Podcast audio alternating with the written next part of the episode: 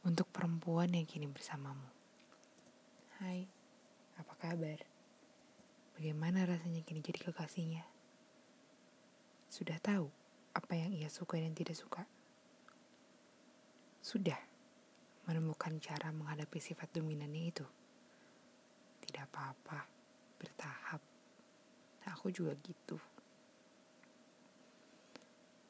Oh iya, ku dengar dulu kamu adalah seseorang yang dia sembunyikan ya. Katanya dia lebih memilihmu daripada aku. Selamat ya, kamu menang. Aku sering mendengar, menjadi yang kedua artinya diutamakan. Aku juga sering dengar, dia tidak mencintaimu jika dia punya yang kedua. Karena jika dia mencintaimu, tidak akan pernah ada yang kedua. Dan kurasa itu benar. Dia mencintaimu daripada aku. Nyatanya, dia lebih memilihmu daripada aku kan? Tenang, aku tidak sedang mengajukan perang atau pertengkaran padamu. Aku tidak berniat pula menjadikanku musuhmu. Untuk apa? Toh, itu hanya akan semakin menyakitiku itu hanya akan mengingatkanku bahwa kamu adalah alasan kenapa dia meninggalkanku.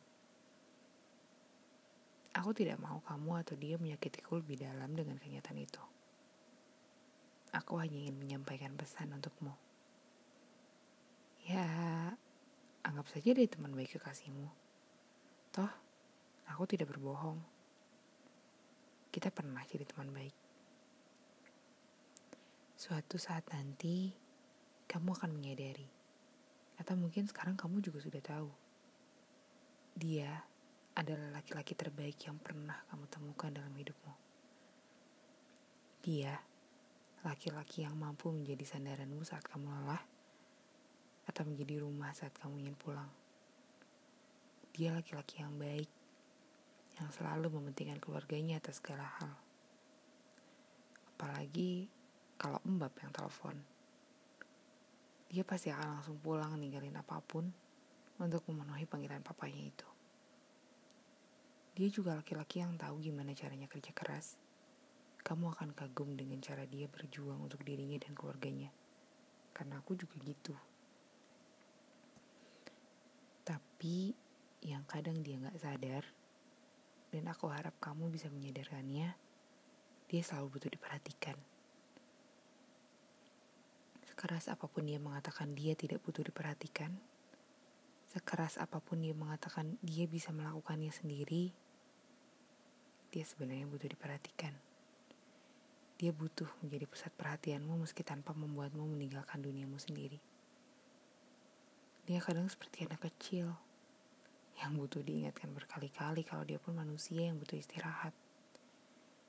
Dia juga butuh perempuan dengan bahu yang kuat untuk ia bersandar saat terkadang jalannya tidak sesuai sama rencana yang dia bangun. Dan dia juga tetap butuh rumah yang membuatnya ngerasa nyaman, yang merasa bahwa ia bisa pulang. Dia tidak pernah bisa tertidur saat malam, karena dia selalu dipeluk rasa takut, dipeluk rasa khawatir, dan rasa buruk lainnya dan dia butuh perempuan yang mampu menenangkan rasanya hingga kemudian ia bisa tertidur tenang. Dia tetap manusia yang butuh untuk diakui, dipatuhi, tapi tidak juga dibatasi ruang geraknya. Mungkin aku tidak pernah bisa memenuhi segala kebutuhannya itu. Aku tidak pernah bisa menjadi kebahagiaannya. Tidak juga bisa menjadi tempat dia untuk pulang. Tapi mungkin kamu bisa. Mungkin denganmu, dia menemukan bahagianya.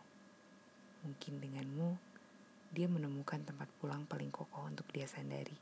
Sesekali. Untukmu, yang kini telah bersamanya, boleh aku minta sesuatu kepadamu. Tolong jaga dia ya. Tolong temani dia saat menjalani hari-hari terberatnya dan ikut berbahagia saat ia menemukan tawanya. Tolong juga untuk cintai dia sepenuh hati. Karena dia akan tahu kalau nggak sepenuh hati. Dan aku takut dia pergi lagi. Aku juga minta tolong. Tolong peluk dia saat malam tiba karena aku tahu dia nggak pernah bisa tidur. Dia nggak pernah bisa tenang kalau malam. Tolong, jadi kebahagiaannya ya.